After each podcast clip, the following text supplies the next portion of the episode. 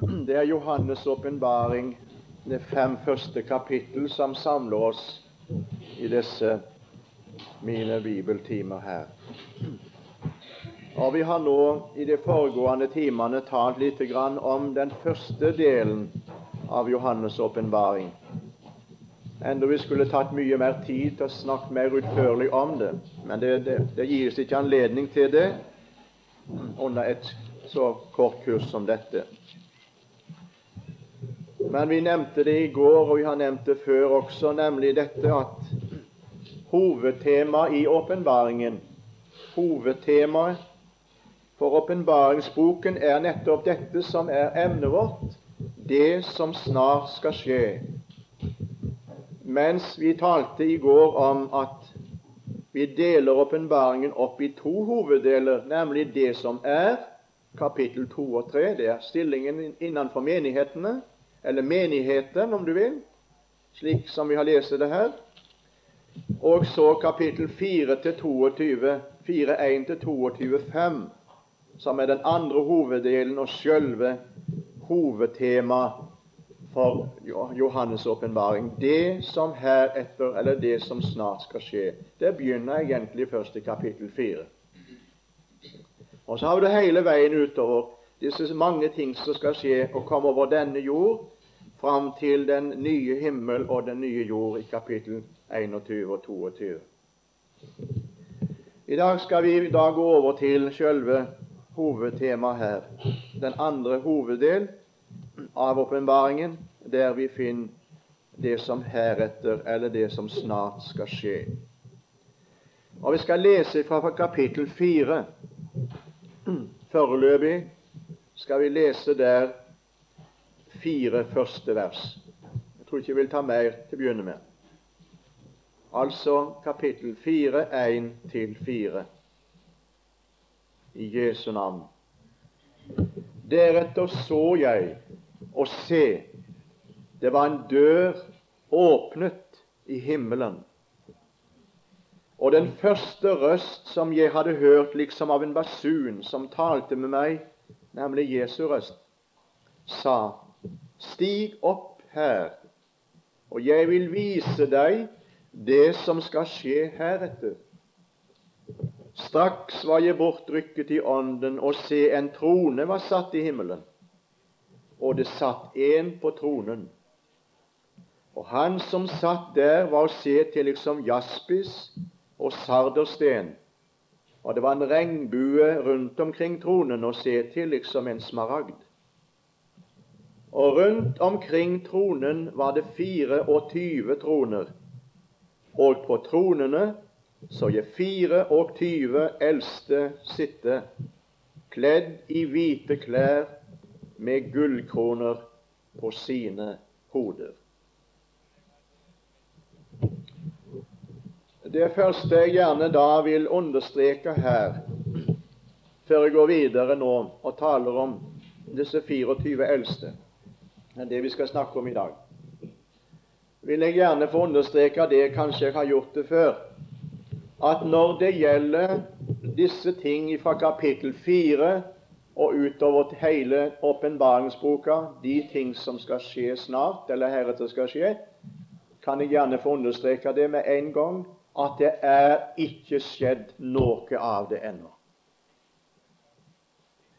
Jeg vil gjerne si det fordi at det er så mange mennesker i vår tid som studerer også Bibelen, og studerer også angående de siste ting. Og de mener iallfall det er en del da at kapittel 8 f.eks. i åpenbaringen, det må da være nå. For det står da nemlig om forurensning. Det står om luftforurensning, og det står om vannforurensning og sjøforurensning osv. Men da er det klart, vi kan jo forstå det alle sammen, at kapittel 8 det er noe som hører framtiden til. Det er da ikke snakk om å tale om at dette her, som står i kapittel 8 f.eks., og, og vers 10 Og den tredje engel blåste, og en stor stjerne falt fra himmelen som en brennende fakkel og den falt på tredjedelen av elvene og vannkildene. Og stjernens navn er malurt, og tredjedel av vannet ble malurt. Og mange mennesker døde av vannet for de var blitt vekst. Og Sett en det sammen med den luftforurensningen og forurensningen av vann som skjer i våre dager. Eller for å nevne et annet plass der det står at en stor brennende fakkel var kasta i havet, og en tredjepart av fisken i havet døde. Så snakker de om det at det er da klart så dagen at det er da klart så dagen at dette må da, dette må da bety faktisk talt at det er nettopp nå det skjer. Så en del har, av disse som studerer og taler om dette, de er kommet langt ut i fremtidens hendelser og mener det at det skjer nå. Jeg skal ikke komme inn på det videre. Jeg vil gjerne understreke det at det er ikke skjedd noe. Hvorfor det, da? Nei, for det første er ikke skjedd ennå. Det kan jo ikke skje det siste før det første er skjedd. Og det første som må skje, venner, og som Bibelen taler om, det er at Jesu Kristi menighet flytter høyere opp representert i de 24 eldste. Det skal vi komme tilbake til. Det er da klart at det kan ikke, åpenbaringen kan ikke hoppe over en hel del kapittel og si nå skjer det i åttende kapittel, det som står i åttende kapittel. Nå skjer det som er i niende kapittel. Når ikke det som er skjedd i fjerde kapittel, skal skje i fjerde kapittel, det skjedde ennå. Og det er nettopp det. Av kapittel fem. Og så for det andre, bare ta det med Jeg nevnte det visst litt i går også, men jeg, jeg tror vi må minne hverandre om det. Det er da underlig at ordet menighet finnes ikke fra kapittel 4 til kapittel 22. Ordet menighet er helt vekk fra åpenbaringen. Og hvis menigheten var på jord, venner, hvis den fremdeles var på jorden, og kapittel 4, 5 og 6 og 7 eller, eller utover 8, 9 og 10 og alle de andre kapitlene, så var det underlig om ikke det var en eneste gang at, at menighetens navn var nevnt. Det blir ikke nevnt. Ikke en plass. Hvorfor det, da? Det er for menigheten er ikke. Når disse ting skjer som står utover i Johannes' åpenbaring, da er ikke menigheten på denne jord. Da er de flyttet opp. Og jeg, kan, jeg skal komme inn på det igjen litt i morgen. Nemlig dette Det som holder igjen, det må bort. Tanken som antikrist. Han kan ikke komme før. Og Jeg vil gjerne understreke det allerede i dag, kjære venner, nemlig dette her at ordet menighet faktisk talt ikke blir sagt en eneste plass eller brukt en eneste plass i åpenbaringsboken framover hele veien. Underlig, det. Nei, det er ikke underlig. For det er bare de første kapitlene, de tre første, to, tre første kapitlene, som nemlig taler om menighetens tilstand. I kapittel fire utover finner du de på den andre side. Og Derfor avslutter kapittel tre med Den som seirer, han vil jeg gi å sitte med meg på min trone, like som jeg har seiret og satt med min Fader på hans trone. Slik slutter den. Og så lyder det Den som har øre, hører hva Ånden sier til menighetene. Så kommer vi til det tredje, og nemlig det som vi nå skal si litt om. Det Johannes får se. Og Det la du merke til når jeg leste det, ikke sant? Du la merke til det at det første Johannes får se før en og la meg få si det før enn han blir bortrykket i ånden til himmelen og får se alle de ting som skal skje, er det en ting han er oppmerksom på, og som han får se, og det er en åpen himmeldør. En åpen himmeldør. Det skjer, det, det får han se før en han virkelig blir bortrykket i ånden og får se alle de ting som skal skje på jord i endens siste tid, ser han en dør som er åpna i himmelen. Jeg vil understreke det. For en dør står alltid i forbindelse med frelse. Og Da vil jeg gjerne spørre er det noen som skal gå inn den døren i himmelen, eller er det noen som allerede har gått inn?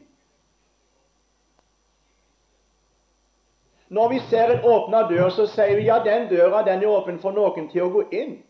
Men vi kan like så godt si det at når du ser en åpna dør Det er noen som har gått inn den døren, for du står åpen etter dem. De har gått inn. Og Jeg vil gjerne si det at så langt som jeg forstår det her, er det noe som nå har skjedd. Nemlig Johannes har sett, ser en åpnet dør i himmelen. Der er noen som har gått inn. For når han blir bortrykt i ånden, så får han se de 24 eldste sitte på sine troner. De har gått inn. Og de 24 eldste skal komme tilbake til det. Og så sier han det Han hørte Jesu røst. Og nå talte vi jo i går om at Jesus talte, talte til Johannes på Patmos. Da var han imellom lysestakene. Da hørte han røsten ifra der. Vandra han omkring på, i, i, med sine menigheter. Med de sju stjerner i sin høyre hånd vandra han omkring iblant menighetene. Det kan du lese i kapittel, i kapittel 1. Eh, når han nå hører Jesu røst, så hører han han ovenifra. Og så sier han, 'Stig opp her'. Den røsten som talte til han på Patmos når han skulle få se menighetene og høre menighetenes budskap, budskap til menighetene, da var Jesus der som Johannes var. Han var mellom lysestakene. Han var, han var på denne side. Kan vi si det slik? Han ser det fra denne side, han hører røsten fra denne side. Nå hører han røsten fra himmelen. Stig opp her. Og så ser han i vers 2.: Straks var jeg bortrykket i ånden, og se en trone var satt i himmelen. Og det satt to på tronen. Nei, det satt én. Jeg vil gjerne understreke dette, venner, for hvis det var sant at Johannes ser Jesus i himmelen, slik som Bibelen ellers forkynner, måtte han sett Jesus ved Guds høyre side. Men nå ser han han ikke. Det satt én på tronen. Jesus satt der ikke lenger. Forstår du? Og jeg er veldig glad fordi jeg kan få si det her i dag at nå, når vi er samla her, sitter Jesus ved Faderens høyre hånd på hans trone. Det står skrevet, det. Han sier det jo her, vers 21, kapittel 3. Den som sier 'Han vil jeg la sitte med meg på min trone', altså når han oppretter sitt rike, like som jeg har seiret og satt meg med min Fader på hans trone. Og det er velsigna godt å vite, venner, at nå, nå i denne stund sitter Jesus på Faderens trones høyre side. Med majestetens høyre hånd i det høye. Han sitter der han ber for oss. Han taler vår sak. Han åpenbares for Guds åsyn. Han skal sitte der hele tiden, men ikke i all evighet. Nei da. Han reiste seg en dag når Stefanus ble steina. Så står det at, at uh, Stefanus han ser, ser, Jesus, og så sier han til bødlene Nå ser jeg himmelen åpnet, og menneskesønnen står ved Guds høyre side. Da reiste han seg. Det var det første blodvitnet. Den første martyr i den nye testamentlige tid. Han skulle ta imot han reiste seg. Men Bibelen sier det, han sitter. Men venner, en dag skal han reise seg. En dag reiser han seg fra sin trone, fra sin stilling ved Faderens høyre side. Og hva er det nå som skal skje? Nå skal det skje som han har blitt lovt av Gud, og som Gud har sagt, nemlig gjennom sitt ord, at han skal få en menighet han skal få en menighet, og han, har, han skal hente sin menighet, sin brud, til seg i sin herlighet. Han skal få sin bønn oppfylt, det han har bedt om, i Johannes evangeliet kapittel 17, 24. Fader, jeg vil at de som du har gitt meg, skal være hos meg for å se min herlighet som du har gitt meg, fordi du har elsket meg før verdens grunnvoll ble lagd. Og Nå vil jeg at du skal slå opp dette som står også i Efeserbrevet 5. Skal vi slå det opp? Dette er nemlig planen som står her. Efeserbrevet 5. Dette underlige kapittel om Jesus og menigheten. Og det er verdt et bibelstudium, og hvor vi skulle ha stanset ved dette vidunderlige, hvor Jesus tar seg av sin menighet, som han kalles, som kalles her for hans legeme. Kristus er menighetens hode, står det i vers 23 b. Han som er sitt legemes frelse. For like som menigheten underordner seg under Kristus, således skal også hustruene underordne seg under sine menn i alle ting. I menn elsket oss hustruer liksom Kristus elsket menigheten og ga seg selv for dem, for å hellige den, til han renset den ved vannbad i ordet, for at han selv kunne fremstille menigheten for seg i herlighet, uten plett eller rynke eller noe sådant, men at den kunne være hellig og lastelig. Så er mennene skyldige å elske sine hustruer som sine egne legemer. Den som elsker sin hustru, elsker seg selv. Ingen har jo noensinne hatet sitt eget kjøtt, men han fører og varmer det, like som Kristus gjør med menigheten. For vi er hans legemes lemmer.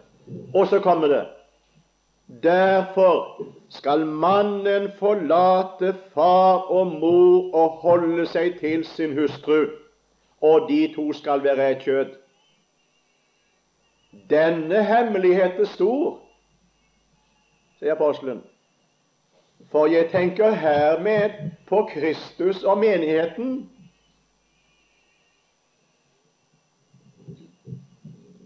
Altså, Dette er da nemlig det som er fremtidsplanen for Jesu Kristi menighet og Jesus. Han skal forlate far og mor. Han skal forlate sin himmel. Han skal forlate sin stilling ved Faderens høyre hånd. Den skal han ha inntil den tid kommer da han skal holde seg til sin menighet. Og jeg vil gjerne si at bryllupet er ikke ennå men det forestående.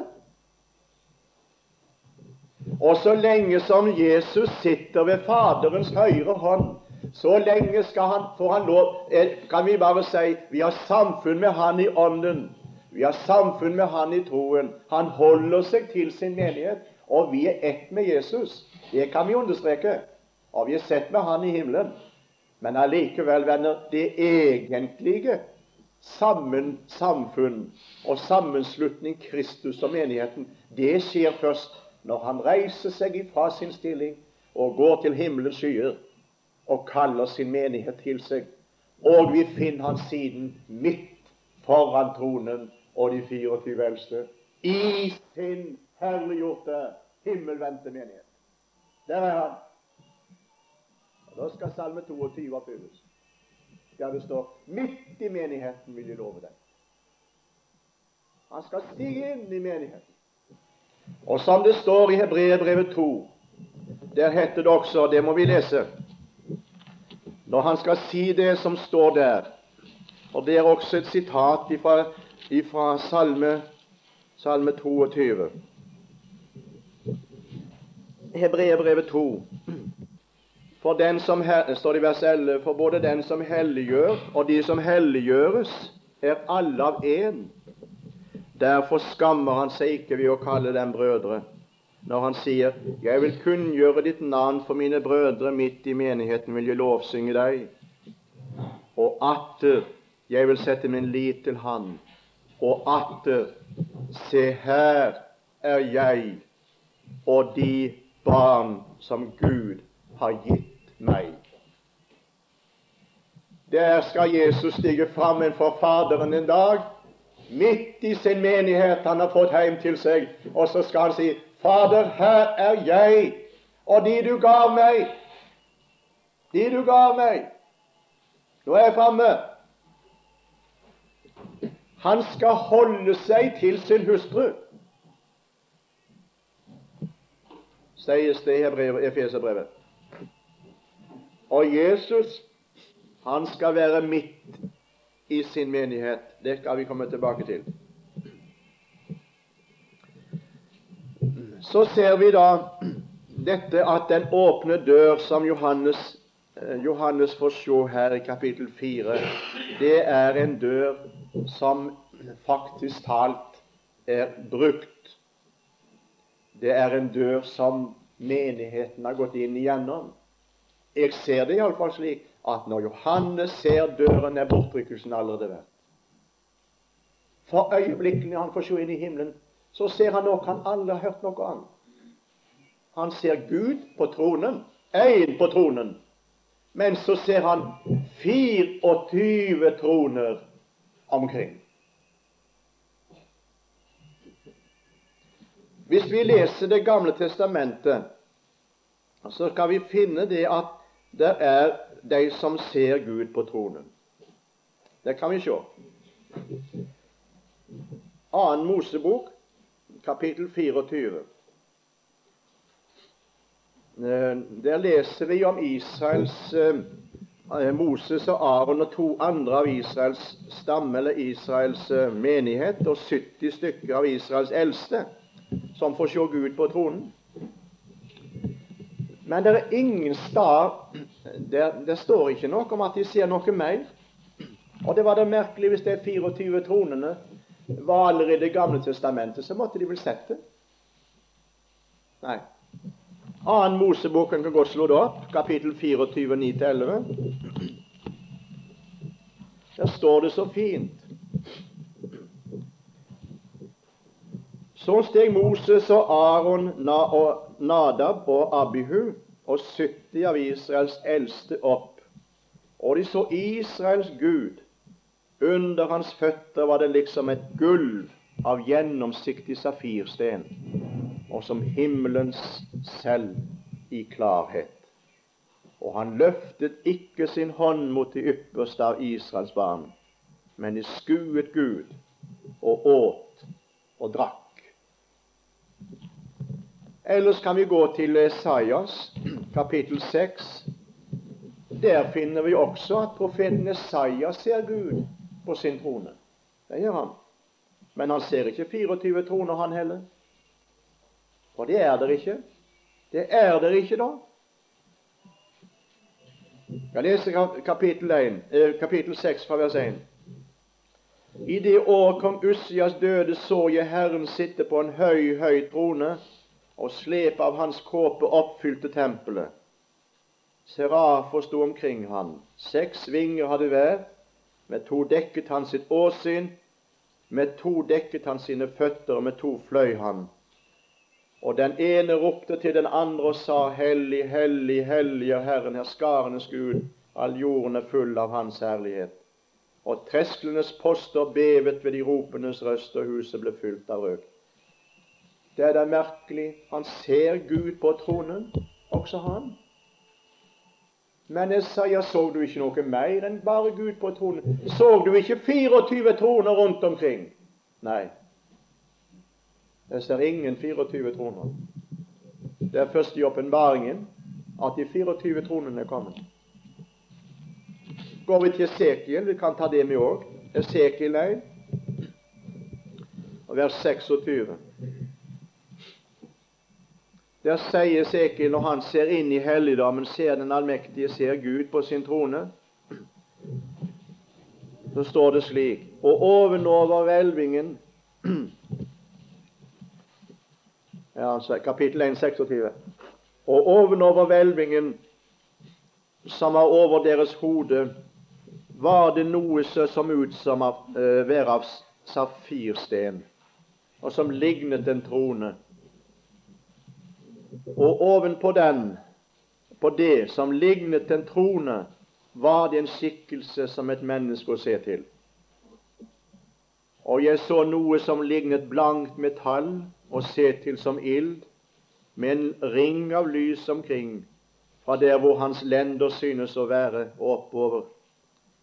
Og fra der hvor hans lender synes å være og nedover, så jeg noe så ut som ild, og den var omgitt av en strålende glans. Liksom synet av buen i skyen på en regndag. Således var synet av glansen rundt omkring.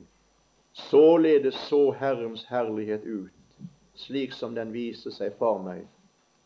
Og da jeg så det, falt jeg på mitt ansikt og hørte røsten av en som talte til meg. La det være nok med disse tre sitatene. Johannes, når han blir bortrykket i ånden til himmelen gjennom den åpne dør, så sier han jeg så én på tronen, og rundt omkring tronen var det 24 troner. Og på fire av disse 24 tronene så jeg 24 eldste sitte. Det er da klart, venner, at det er troner som er kommet til. Det er noe som ikke var, men som først er det når Jesu Kristi menighet og Jesu Kristi brud kommer hjem. Det er de som skal sitte der. Og de 24 navn, 24 her, skal vi komme tilbake til. Nå skal vi se på dem. Og vi vil stille spørsmål med en eneste gang. Hvem er de? Hvor kan vi vite det at det er menigheten? Eller skal vi tro det at det er himmelske vesener? Er det engler? Er det serafer? Er det kiruber?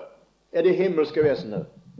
Jeg vil gjerne ved Guds nåde her i denne stund få vise deg at det er menigheten. Representert i 24-tallet. To ganger tolv. Tolv for Det gamle testamentet og tolv for Det nye testamentet. Og jeg vil gjerne si det her at tolvtallet, det er himmelens tall. Himmelens tall. Det fullkomne tall i evighet. Og Nå skal jeg også få lov til å tale litt om det. Skal vi se litt på det? Hvem disse 24 eldste er, om det er menigheten? Kan vi finne det igjen? Og Da vil jeg gjerne for det første nevne det er ikke engler. Det er noen som sier det. Det må være engler. Engleskikkelse, englefyrste. Det er ikke engler, for englene sitter ikke på troner, men står omkring tronen kapittel 5, 11. Kan du se det? Det er ikke engler, for det har ikke sin plass på troner. Det står rundt omkring. Og Her står det slik i vers 11.: Og jeg så og jeg hørte en røst av mange engler omkring tronen og lysvesenet og de eldste. De står rundt omkring. Og tallet på den var ti ganger ti tusen og tusen ganger tusen. Nei, hvem er det som skal sitte på troner? Hvem er det? Ja, det har vi allerede sagt i kapittel 3. Den som seirer, han skal sitte med meg på min trone. Og Går vi nå til Bibelen ellers, så skal vi finne det i Matteus 19 taler Jesus allerede til sine disipler om det. Og Det kan vi godt slå opp. Matteus 19, 27. Og der har, du, der har du de fra Det gamle testamentet. Der har du, der har du faktisk talt uh, jødene. For det, menigheten består både av jøder og hedninger som er frelst og tatt imot Jesus. Matteus 19. Der taler Jesus til sine disipler om det. Når, når Peter han sier det i vers 27 Se, vi har forlatt alt og fulgt deg, hva skal da vi få? Da sa Jesus til dem, sannelig sier jeg eder, I som har fulgt meg, I skal i gjenfødelsen når menneskesønnen sitter på sin herlighetstrone, også sitte på tolv troner og dømme Israels tolv stammer. Vi går til Det nye testamentet ellers, i, Romer, i 1. Korinterbrev 6. Der tales det menigheten, og tales om menigheten. Det skal vi komme litt tilbake til enda vi kan ikke ta for lang tid med hver. Men at dette har med menigheten å gjøre, det er helt sikkert. Kapittel 6 i første Korinterbrev, de tre første vers.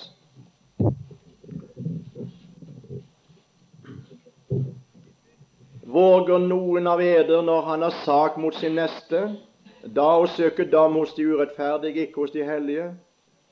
Eller vet de ikke at de hellige skal dømme verden?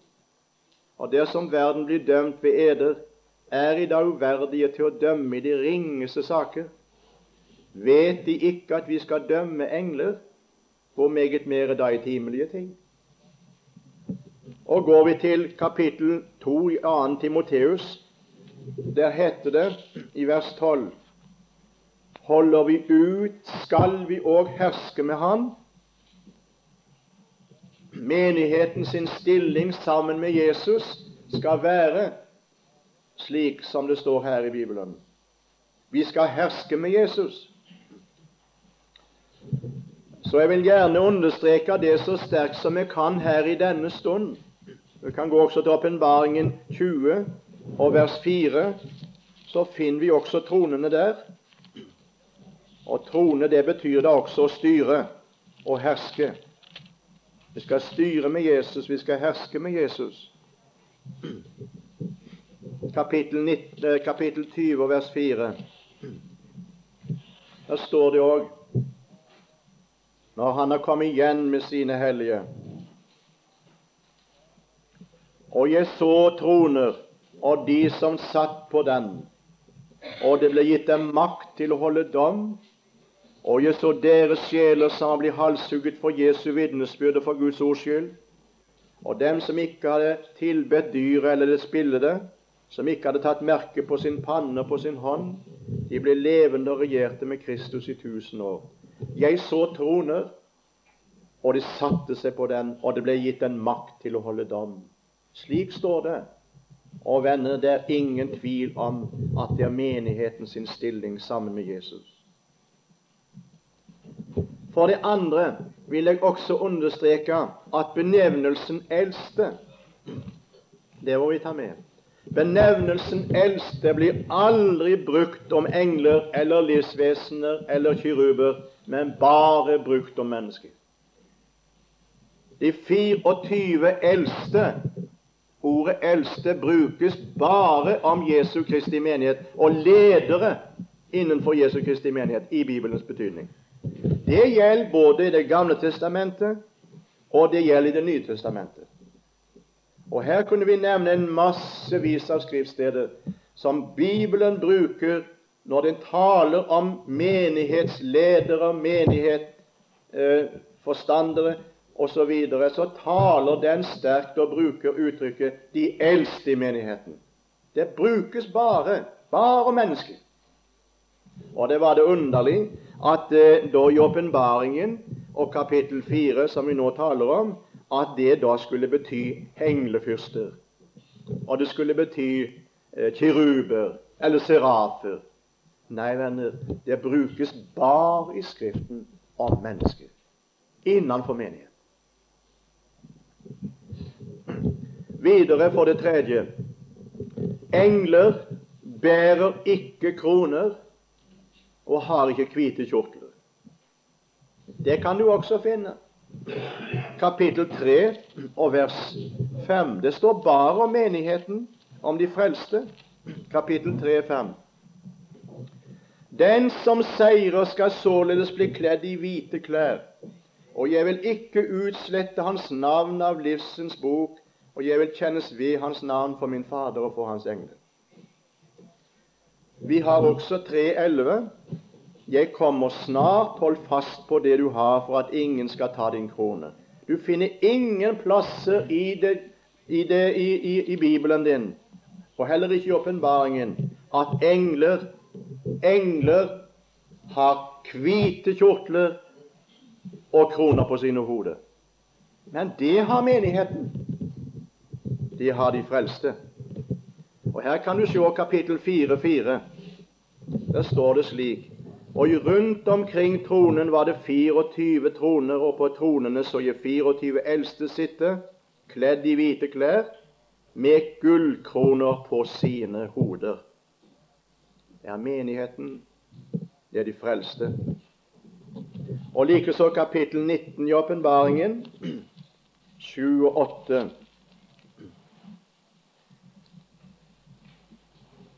Der står det også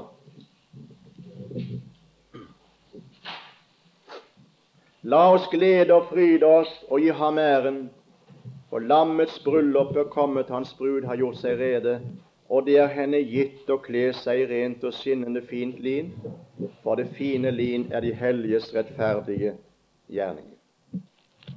Engler bærer ikke kroner, har ikke hvite kjortler. Vi finner ingen stad i Bibelen at engler har det.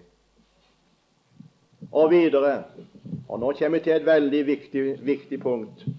Englene kommer ikke fra jorden og har ikke tilhørt en jordisk stamme, folk eller tungemål eller ett.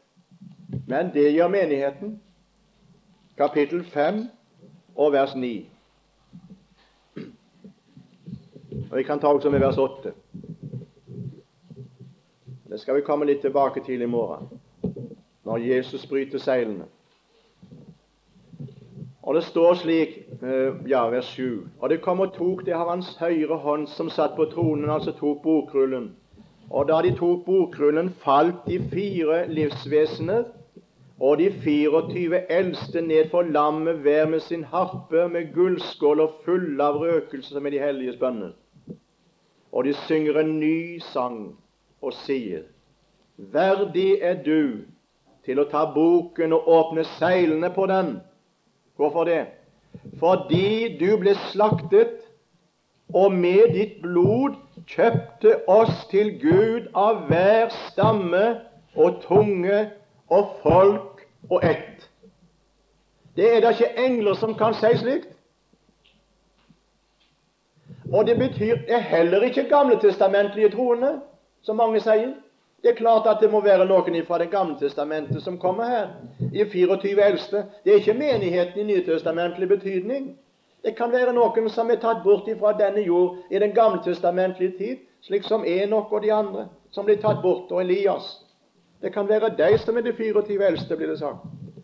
Legg du merke til at disse som synger her i himmelen, i det symbolske tallet 24. De kjenner til forløsningen i lammets blod. De har ikke bare hørt om det at noe som skal skje en gang. Og jeg er veldig glad for det som Bjerkreim sa i går, for det er også mitt eh, det må jeg peke på ofte, nemlig det at de gamle testamentlige troende og de nye testamentlige troende ble frelst på samme grunnlag. De så fram imot Kristus, som skulle komme og døde i troen. Vi ser tilbake på Han som er kommet av fullbrakt frelsesverket, og kan dø i troen på det som er skjedd. Og jeg tenker på Abraham i Johannes 8. Det er jo vidunderlig å lese om Abraham, at han gledde seg i Jesus. Der står det. 8,56. Abraham, sa Jesus til jødene, er deres far, frydet seg til å se min dag. Han så den og gledet seg. Han døde han i troen på han som skulle komme. Og Les nå Hebreerbrevet 11, så kan du sannelig få se om de gamle testamentlige troende ikke trodde på Jesus. Ja, De var så Jeg vil bruke det uttrykket, ennå det er verslig uttrykk. Fantastisk. Det skal vi ikke bruke i kristen sammenheng, for det betyr fantasi. Hva er uttrykket sammen? Ikke, det er ikke fantasi. Fantastisk er noe som er fantasifullt, men dette er ikke fantasi. Men vi bruker det for å slå det fast dette er veldig at de gamle testamentlige troende kunne dø i troen på det som skulle komme, løftes oppfyllelse Kristus, og bekjenne på grunnlag av dette at de var fremmede utlendinger på jord. Og de kom og tilbød de oss, de og sa dere kan få lov til å, å velge her. Dere behøver ikke late livet, bare dere vil fornekte det der dere tror på. Så sa de nei, vi vil ha del i en bedre oppstandelse. Ikke tale om. Ikke noe utløsning her. Vi snakker ikke om det. Vi gleder oss til å komme til vår fedreland. Og så helst de det velkommen. og døde i troen på løftet som skulle oppfylles, og var salig på det. Jeg skal si det, De måtte gjennomgå. Bare les Hebrevet 11. De ble steina, gjennomsaga, flakka omkring i fåreskinn. Og var ikke verden var de ikke verd. Og allikevel sa de vi fornekter ikke Kristus. Vi tror og holder fast ved det. Han skal komme. Og bekjenner at vi er fremmede utlendinger på jord. Vi søker et fedreland. Døde i troen uten å oppnå det som var lovt. Det skal jeg si deg, det var, det var frelsesjubel også hos de, enda Jesus ikke var kommet. Nei, menigheten kommer fra alle stammer og folk og tungemål og etter. Og disse, og jeg vil gjerne si det, det er så veldig alvorlig for meg i dag, i denne tid. Jeg har, har vært noen år i forkynnelse og tjeneste og fått vært med lite grann. Men jeg er så levende redd, venner at det skal bli for mange i dag bare et knefall og en henvendelse til Kristus som en kamerat. Jeg er så redd. Før i gamle dager ja, jeg vil, jeg vil si kan hende også når vi får oppleve det, men det er så sjelden at det virkelig ble syndende. At folk virkelig fikk bruk for forsoningen og frelsen i Jesus. I dag ser det ut som det kan bare bestemme seg. Bestemme meg til å bli en kristen. Og så kan du oppleve det i samtale med folk som har bestemt seg for å bli en kristen, at de er ukjent med forsoningen. Dette som måtte være grunnlaget på at jeg er en kristen. Jeg glemmer ikke, jeg må få nevne det. Det var en ungdom som kom til meg i en samtale en gang. Det er en stund siden nå. Han skulle bli misjonær, og det var jo gitt. Tenk om hvor mange det var som kunne fått reist ut som misjonærer som Gud kunne få bruke, som bruker sin, sin, tid og sine evner og sine krefter til å tjene Satan. Tenk om de kunne gå inn i Jesu tjeneste. Vel, vel, han skulle bli misjonær, og det var så gildt. Og jeg følte med han flere ganger, snakket med han. Men det var alvorlig, denne unge gutten. Når jeg satt i samtale der, så, så sa jeg du eh, Jeg husker en kveld spesielt. Du, hva er det Hva mener du som er selve grunnlaget eller Eh, hva er det å være en kristen? Ja, så snakket vi sammen, og så sa han ja, det å være en kristen og være et Guds barn. Ja, det er sant, det. Men er det mer? Ja, sa han, det å være en kristen, det er å, å være trygg her i dette livet. Ja, det er det, sa jeg. Det er sant, det. En kan få lov å være i Herrens hender, hva som skjer. Er det noe mer å være en kristen? Ja, sa han, det å tjene Kristus på denne jord. Ja, men det er så sant. Dette var en lang samtale, dette. Tjene Kristus. Ja visst skal vi fortjene Kristus. Og vi hørte så gildt her åpningskvelden, nemlig dette at de vendte seg til Gud fra avguden og begynte å tjene. Som menigheten til Salonika. Så sa jeg til dere, så sa jeg, men er det noe mer? Ja, sa han, det er når det at du kan være trygg i døden. Når døden kommer, så kan du få være rolig, for du går hjem til Gud. Og så er det himmelen til slutt. Ja, og så noe til. Så satt jeg der og så tenkte jeg det må da være noe mer for han som skal ut som forkynner. Og ikke bare her i landet vårt, men ute i det fargede folkeslag med, med, med, å være en misjonær. Så sa jeg du, men uh, nevnte navnet hans, så sa jeg du, er det ikke noe mer du det å være en kristen enn det du har nevnt nå? Så han på meg, og så sa han du, jeg veit ikke hva du mener med det, sa han. Jo, jeg mener det, sa jeg, at er det ikke om noe i Bibelen som taler om en forsoning, en frelse, en rettferdiggjørelse, en helliggjørelse og et liv i Kristus? Han var en ærlig gutten, og så så han på meg, og så sa han Dette er jeg ukjent med. Ja, men så sa jeg men kjære deg, hva vil du ut til hedningene med? Hva vil du reise ut med? Du som skal gå inn på misjonsskolen, sier du skal inn på misjonsskolen og reise ut til hedningene nå. Når du er ferdig med evangeliet. Er du ute og forkynne. Hva vil du forkynne? Det er bare én ting, venner, som frelser, og det er evangeliet. Legg merke til det. Derfor står det klart og tydelig Jeg skammer meg ikke ved evangeliet, for det er en Guds kraft til frelse. Og Krist eller Guds ord uten evangeliet, det er uten selve kjernen, det. For det er kjernen, det er Kristus som er sentrum i alt Guds ord. Og hopper vi forbi det?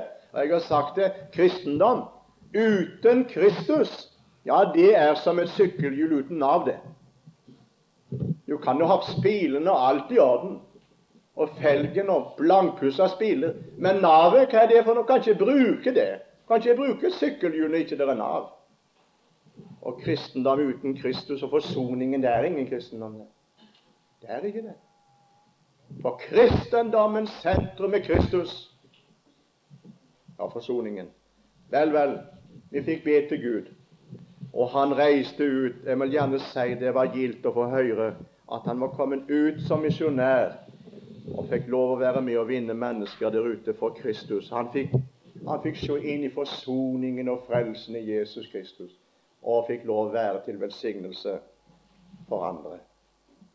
Så vi ser det her, venner, at disse 24 eldste disse 24 eldste de, de er kjent med, med Jesu blod, de. Du var slaktet. Og det, det, er på Ja, vi får lov å si det. Det er på denne siden av Golgata, skjønner du. Det er menigheten som har fått hørt om Jesu blod, og lammets blod som er nøkkelen til selve himmelen. Det er de som synger. Du kjøpte oss, det har jo skjedd. Du ble slaktet, det har jo skjedd. Og kjøpte oss til Gud av hver stamme, folk og tungemål og ett. Og her må jeg slutte i dag. Jeg håper det at vi kunne få vise en annen at de 24 eldste som sitter på 24 troner rundt omkring tronen Og vi skal snart også tale om eh, hvordan Jesus sin stilling der er til disse. At det er ikke engler, det er ikke himmelske vesener, men det er mennesker fra stammer, folk og tungemål og ett.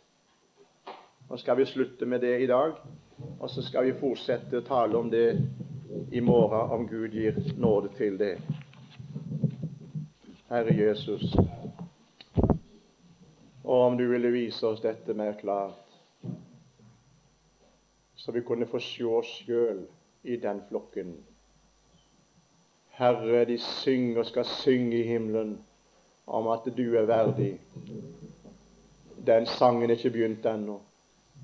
Det er når menigheten kommer hjem, og når lammet skal bryte seilene. Da skal det synges 'Verdig er du til å bryte seilene'. Og vi skal se deg, Herre, når du tar med dine naglemerkte hender bokrullen og bryter seilene, skal vi være der og se det. Herre, du skal bryte seilene, så skal det skje. Og så skal vi synge, Herre, verdig er du som ble slaktet og kjøpte oss til Gud med ditt blod. Herre, men vi lærte sangen her nede da vi hentet Golgata kom. Og ingen får lære denne sangen i himmelen uten de som har lært den på jord. Og vi vil be deg, Jesus, at du må hjelpe oss alle til å kunne få synge den her. Å Herre, jeg av slangen var meget fangen, men har av nåde et freidig mot. For Emanuel gikk i striden. Løven av Juda seier vant. Slangens motstand ble altfor liten. Jeg en evig forløsning fant. Herre, takk for at vi får synge det nå. Og du velsigne vennene her nå som har lytta til i dag må vi få være iblant den frelste skare, den frelste menighet som en dag får lov å sitte deg, med deg på din trone. Herre, det vil vi be om. Velsign oss videre i kurset og bibeltimene. Amen.